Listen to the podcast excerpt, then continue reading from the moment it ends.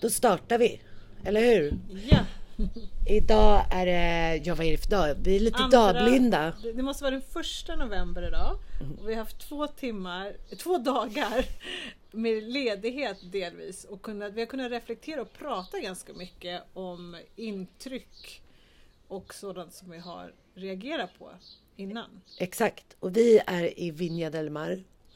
På väg till Santiago för sista mötena imorgon.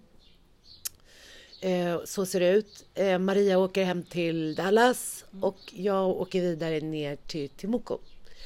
Eh, men vi har ju reflekterat lite över synen hemma i Sverige och hur Adoptionscentrum hela tiden kommer undan med godtagbara eller godtyckliga ursäkter. Men när vi tittar på de här ursäkterna så är det, alltså det är ju bara lögn och båg. Ja, och jag tänker på att vi får ju ganska starka reaktioner här när vi kallar oss adopterade. Alltså de som har varit utsatta för samma brott i Chile och mammor som där deras barn har tagits, kidnappats. När, när vi kallar oss för adopterade så väcker det ganska starka känslor. Exakt, för vi är ju precis som de eh, tagna. Men det som är skillnaden väl är ju att med svensk då myndigheters hjälp, man får ju inte glömma att Adoptionscentrum hade hjälp av myndigheten NIA. De besatt ju i styrelsen i NIA. Även om det är en privat organisation så satt de faktiskt på två stolar under den här tiden. De satt i NIA, eh, dåtidens MFOF och hade väldigt mycket makt att säga till om. Och det är ju ett eh, liksom, koppel från början. För att i, i min adoption så kan jag se att den socialsekreterare som godkände att mina föräldrar skulle bli eh, var godkända för adoption. Det är samma socialsekreterare som återkommer i Stockholmsområdet för flera av oss adopterade. Och speciellt från det område jag kommer. Vi har samma. Och hon har då rekommenderat Adoptionscentrum. Ja, och dessutom så, så igen, du måste understryka det att vi är inte våra föräldrar i Sverige, de blev ju fosterföräldrar först. Så de var ju godkända för, för att bli fosterföräldrar för att sedan adoptera. Men det var ju ingen som liksom var godkänd för adoption. Eller det var ingen adoption som hade genomförts innan vi var i Sverige och hos våra fosterföräldrar. Så det är, det är det som är så viktigt att komma ihåg. Vi lämnade Chile, inte som adoptivbarn utan som eh, fosterbarn. Det var det som man här kallar för tuition. Eh, och för att kunna få en tuition så har man då i både Anna och mitt fall och de flesta har ju de adoptionscentrum eller adoptionscentrums anställda i Chile har ju sett till att vi till exempel har blivit registrerade med svenska namn. Alltså alla har ju inte svenska namn. En del har en kombination, en del har sina chilenska namn kvar. Men att man har sett till att tvätta våra identiteter väldigt noga i vissa fall, som Anna som inte har ett spår av någonting. Eh, men, eller som i mitt fall där jag har fått mina svenska blivande fosterföräldrars, deras önskemål om namn har jag blivit registrerad med i Chile. Eh, utan att ens ha dem som fosterföräldrar genom något slags domstolsbeslut. Så att allting har hänt liksom lite i fel ordning och det ska inte kunna gå egentligen. Exakt. Så från att vi liksom blivit tagna, hittade, så har man alltså registrerat om oss i ett svenskt namn. Kerstin, Birgitta, Anna, Elisabeth, Ingrid. Nej, Ingegärd dessutom. Ja, och Ingrid heter vi när vi lämnar landet som chilenska barn. Det säger ganska mycket. Och eftersom Adoptionscentrum säger att de absolut inte är inblandade i det här så har vi ju insett att det är en stor fet lögn. Ja. För att de har ju absolut vetat att de har tagit ut barn ur Chile i deras namn eh, med svenska namn. Mm. Och dessutom, om vi går tillbaka, du refererade till eh, dokumentation. Alltså det, vi har ju do- dokumentation från 1975 när man från Adoptionscentrum eller har en brevkonversation med svenska ambassaden här på plats att de vet inte var vi barn kommer ifrån men det ser snyggt ut. Exakt. Och sen är det ju också en annan sak som vi har fått fram under det här arbetets gång. Eh, som är också så här, det här Adoptionscentrum fick inte förmedla mm. adoptioner från Chile. Eh, det fick de först 1981. De ansökte om förmedlings... Eh, eh, 1979 och fick det först 1981. Det jämförs med att du inte får eh, importera, bilar. importera bilar utan tillstånd. Du får inte sälja som i Sverige som pågår just nu. Eh, den här stora rättegången. Eh, ja, men pensionsspar om du inte har tillstånd. Eller öppna bank utan tillstånd. Och här handlar det alltså om att man har stulit barn och sen sålt dem och sen eh, adopterat dem i Sverige utan, utan tillstånd. Och det är anmärkningsvärt när sån information kommer fram att Adoptionscentrum fortfarande kan säga att de inte har gjort något fel. De För de hade inte tillstånd. Nej, och de har ju gått ut med information eh, alltså, för det är också ganska, jag kan inte förstå det när man, när man får titta på hur de får fortsätta mm. eh, sitt eh, ja, ska man säga, arbets, sin verksamhet. Ja, men verksamhet men också arbetssätt. Att, man, att, att de kan gå ut och säga att nej men vi har kontrollerat alla adoptioner från Chile. Det har de ju gått ut och sagt. Eh, och vi ser inte att, någon, att någonting är fel. Men om, man då, om det är så det, det, om man ska, när man väl tittar på våra papper så, så, ser vi att det inte har gått rätt till. Alla andra ser att det inte har gått rätt mm. till. Och jag vet ju att när vi satt på äh, Stadsarkivet, jag och Lisa, så reagerade just Lisa på vad barnen hette och att det var så många eh, som kom under liksom som perioder, att man hade samlat ihop barnen. Mm. Eh, det står ju inte namn och personnummer utan det kunde bara stå namn och så då att det var man ser när de har lämnat Chile att det var liksom som att man samlade ihop barnen man hade dem på olika ställen som Lautauro, även hemma hos Anna Maria Elmgren fanns det barn. Ja, fast vi var ju hos fostermammor ja. som, som AC betalade lön precis. Till, i Santiago precis innan vi lämnade. Och sen satt det liksom oss då som, men man skapade ett litet lager och sen eh, för också administrationen och billigheten, spara så mycket av de här pengarna som möjligt för att kunna, alltså det är ju ett väldigt fascinerande sätt. Det är ju verkligen big business här. Mm. Eh, och det ser ju vi med de här ögonen när vi följer papperna och så. Och även det som är kanske så här svårt att förstå är att merparten eh, just från Adoptionscentrum har gått till så här. Mm. Och, och, vi pratar ju också om, och det har vi sagt förut, men det här med att följa pengarna. Mm. Alltså Adoptionscentrum sitter som en expertgrupp till den svenska internationella utredningen av, eller den svenska utredningen av internationella adoptioner.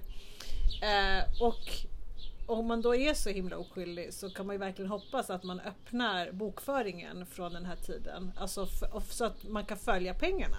Alltså ja. hur gick det till? Vad betalar man för? Och igen, när vi pratar om att med dagens ögon, med svenska ögon och titta på pengarna som eh, som betalades ut, vad vi, liksom vad vi kostade eller vad flygbiljetter kostade så var det så att nej men det låter ju inte så mycket. Nej men multiplicera det med 2000 för Adoptionscentrum har faktiskt förmedlat 2000 eh, Ja, vi räknade ju ut ganska snabbt 30 miljoner räknade ju vi ut den eh, den eh, alltså omkostnad som fanns i det här. Och jag menar 30 miljoner då, det förstår ju vem som helst. Det är big business. Och eh, nu är det ju så att när vi tittar tillbaka, precis som du säger, liksom, vi har fått namnen innan vi har fått en foster, eh, någon som har tagit ja, någon som har laglig rätt. laglig för, rätt. För de fick ju det i Chile, våra svenska föräldrar. Men, mm. men någonting som till exempel Janette Velasquez som har följt många fall i Temuco. En, en fråga som hon ställer som är jäkligt relevant. Eh, jaha, så att jag blev registrerad till exempel eh, vi säger den 18 augusti Mm. med svenskt namn utan att ha någon som helst juridisk koppling till mina blivande svenska fosterföräldrar. Vad skulle hända om de plötsligt hade ändrat sig? Då skulle jag gått omkring i Chile som Ingrid Maria. Alltså det, det är Ja. Olsson Karlsson. Alltså det, det är så orimligt hur det fick gå till. Och det här är ju sånt som svenska domstolar, alltså tingsrätten har kunnat se. För det är ju just det här pappret vi har. Men Alltså, det vet vi också att eh, det spreds ut i domstolarna och tingsrätter i Sverige. För att det inte skulle bli synligt. Man spred alltså ut pappersarbetet Jo, jo, på du- olika... Jo, men då, då pratar jag om det systematiska. Ja. Men om man skulle titta på en person, Ja, då hade man ju sett, oj vänta, här saknas ju själva, eh, själva dokumentet som står ska finnas med. Ett överlämningsprotokoll där mamman har lämnat över barnet eller vem det nu var. Eller oj, här, oj, här har man visst utfärdat ett födelsebevis innan Mm. i svensk namn.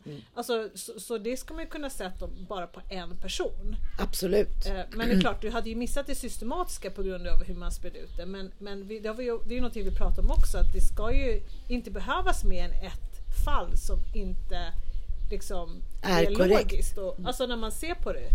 Men man har liksom bara, nej men det här är nog bra.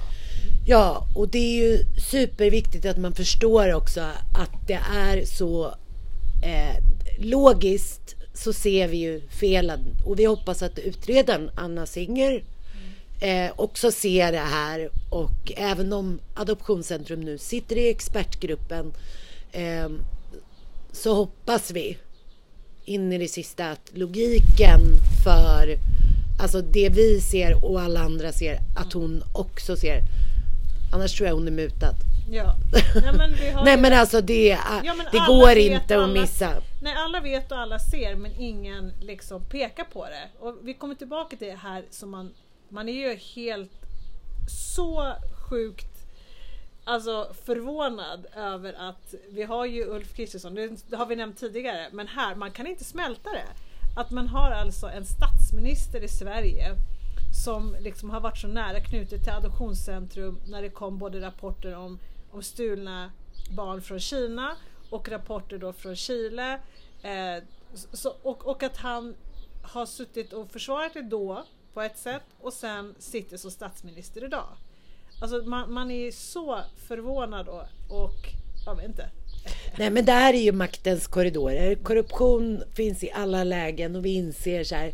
Den som får lite pengar vill ha mer pengar. Det är det det handlar om.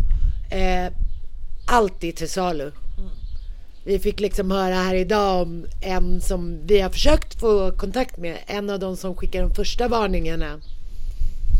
Just angående svenska barn. Han fällde några barn från Chile till Sverige I början på 70-talet. i början av 70-talet och insåg att det var det här var inte korrekt.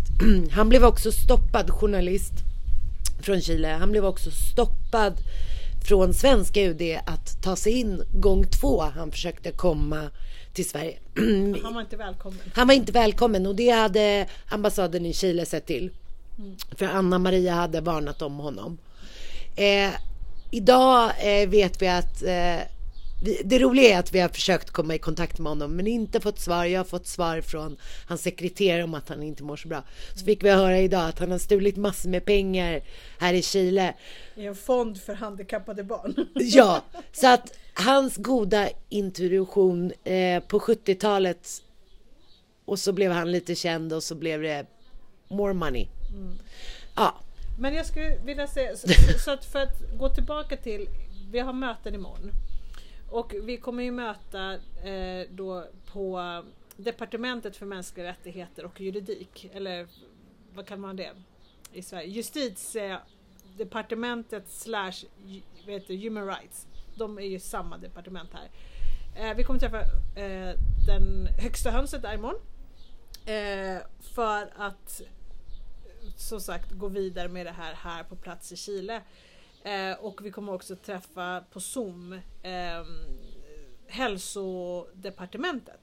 För vi har ju det här om och om igen. Vi måste få till en DNA-bank där det handlar om DNA där man lämnar blod. Det ska vara ett statligt organ som har hand om det och så vidare. Det är ju liksom det som vi pushar för Mm. väldigt hårt för att ja, det ska finnas. Och våra önskan är ju att vare sig man är intresserad av den brottsutredning som pågår i Chile eller ej, är att alla som är adopterade från Chile lämnar sitt DNA vare sig man vill söka eller ej, just för att då vet i alla fall mammorna om ni lever. Sen om det blir till ett möte eller så, eh, det är nästa steg, men då vet de om du som adopterad från Chile lever och bara den vetskapen skulle ge lite mer lugn. Ja, det skulle ge dem ro tror jag. Ja. Och det här handlar ju inte bara om oss i Sverige. Vi är 2200 i Sverige, ja. Men vi är alltså ungefär 20 000 till som på liknande sätt har lämnat Chile och hamnat då i massa olika länder. Så att vi jobbar ju för det här för, det, för, för jag menar, vi vet mammor som frågar som vet att deras barn befinner sig i USA eller Frankrike. Alltså det här måste ju vara liksom en, eh, de pratar om att man måste göra en kampanj för att sprida vet, vetskap och medel. Eh, alltså vägar att gå. Som det här med att alla adopterade kan lämna DNA. Alltså det är superviktigt att det sker. Så får vi till en DNA-bank så är ju målet att samtliga adopterade från Chile i Sverige, i världen. Europa, eh, världen lämnar in sitt DNA vare sig man som sagt vill söka sina rötter eller ej. Ja och oavsett, man behöver inte liksom göra en eh, anmälan till brottsutredning och så vidare. Utan bara för att ge ro och svar eh, framöver. För våra mammor här, Och syskon. ja syskonen, de Som letar. otroligt eh, svårt, hårt, omänskligt vad de eh, Ja, men det är en otrolig börda att inte veta om det där barnet de säger sig ha dött på sjukhuset men du har aldrig fått en kropp.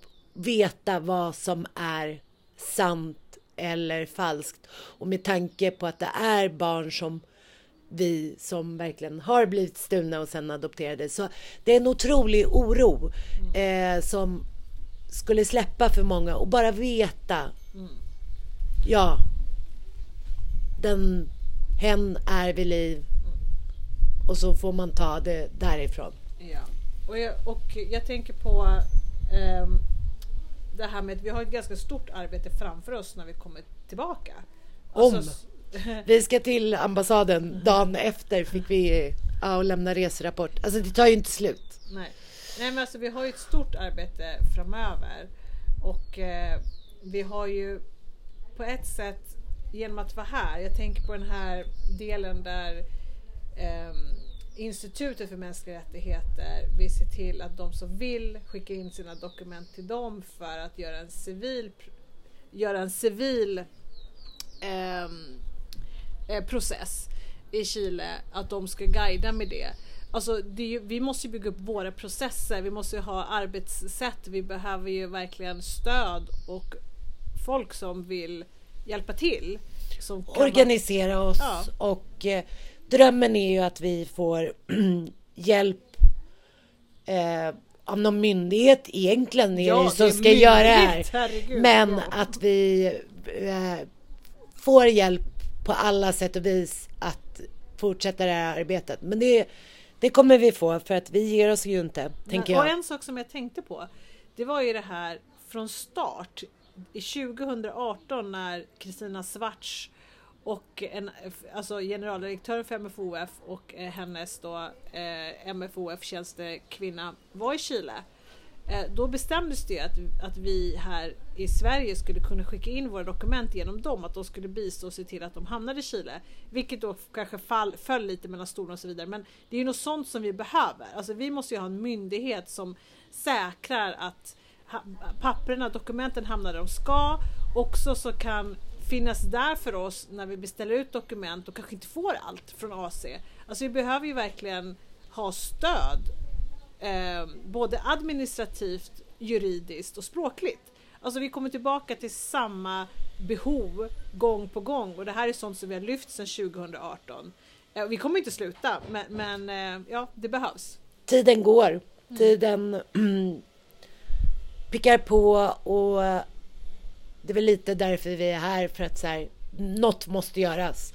Eh, och komma hem till Sverige och hoppas innerligt att eh, den 27 11 att MFOF kanske skulle vilja komma förbi på det möte vi ska ha, den, rese, den offentliga reserapport vi kommer ha med inbjudna myndigheter och press i Stockholm och för allmänheten och adopterade.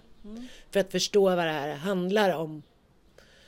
Ja, för nu är det e- e- e- igen, gång på gång. Alltså det är ju vi som gör det här arbetet. Och det måste ju, det här arbetet som vi har gjort och arbetet som har gjorts. ehm, man skriver böcker, man gör reportage, men man måste också, all den här kunskapen, alla historier måste förvaltas och man måste ju ta det här steget och gå vidare. Alltså vi kan ju berätta hur många tragiska historier som helst, alltså det finns ju hundratals. Men vem är det som liksom tar till nästa steg? Vi ser att det behövs förändras. Allt från våra, våra, våra dokument, vi tjatar om det hela tiden, var våra dokument förvaras och, och så vidare. Men vem är det som pushar för det? Man vill bara berätta otroligt tragiska historier, vilket är väldigt lätt för historierna är Med happy end. Ja. Med happy end. Ja, för att vi har en återförening, det blir jättelyckligt, allt blir bra. Eh, men det är ju inte så. Vi ser ju förändringar och eh, det här har hänt och nu vill vi göra rätt. Alltså, Mm. det ska vi höra från den svenska staten. Svenska staten ska vilja göra rätt. Exakt. Ja, det var väl lite från oss Ja. i Vinjan. Nu åker vi tillbaka till eh, Santiago för lite mera arbete. Ja. Och så hörs vi. ja. Hej. Ciao!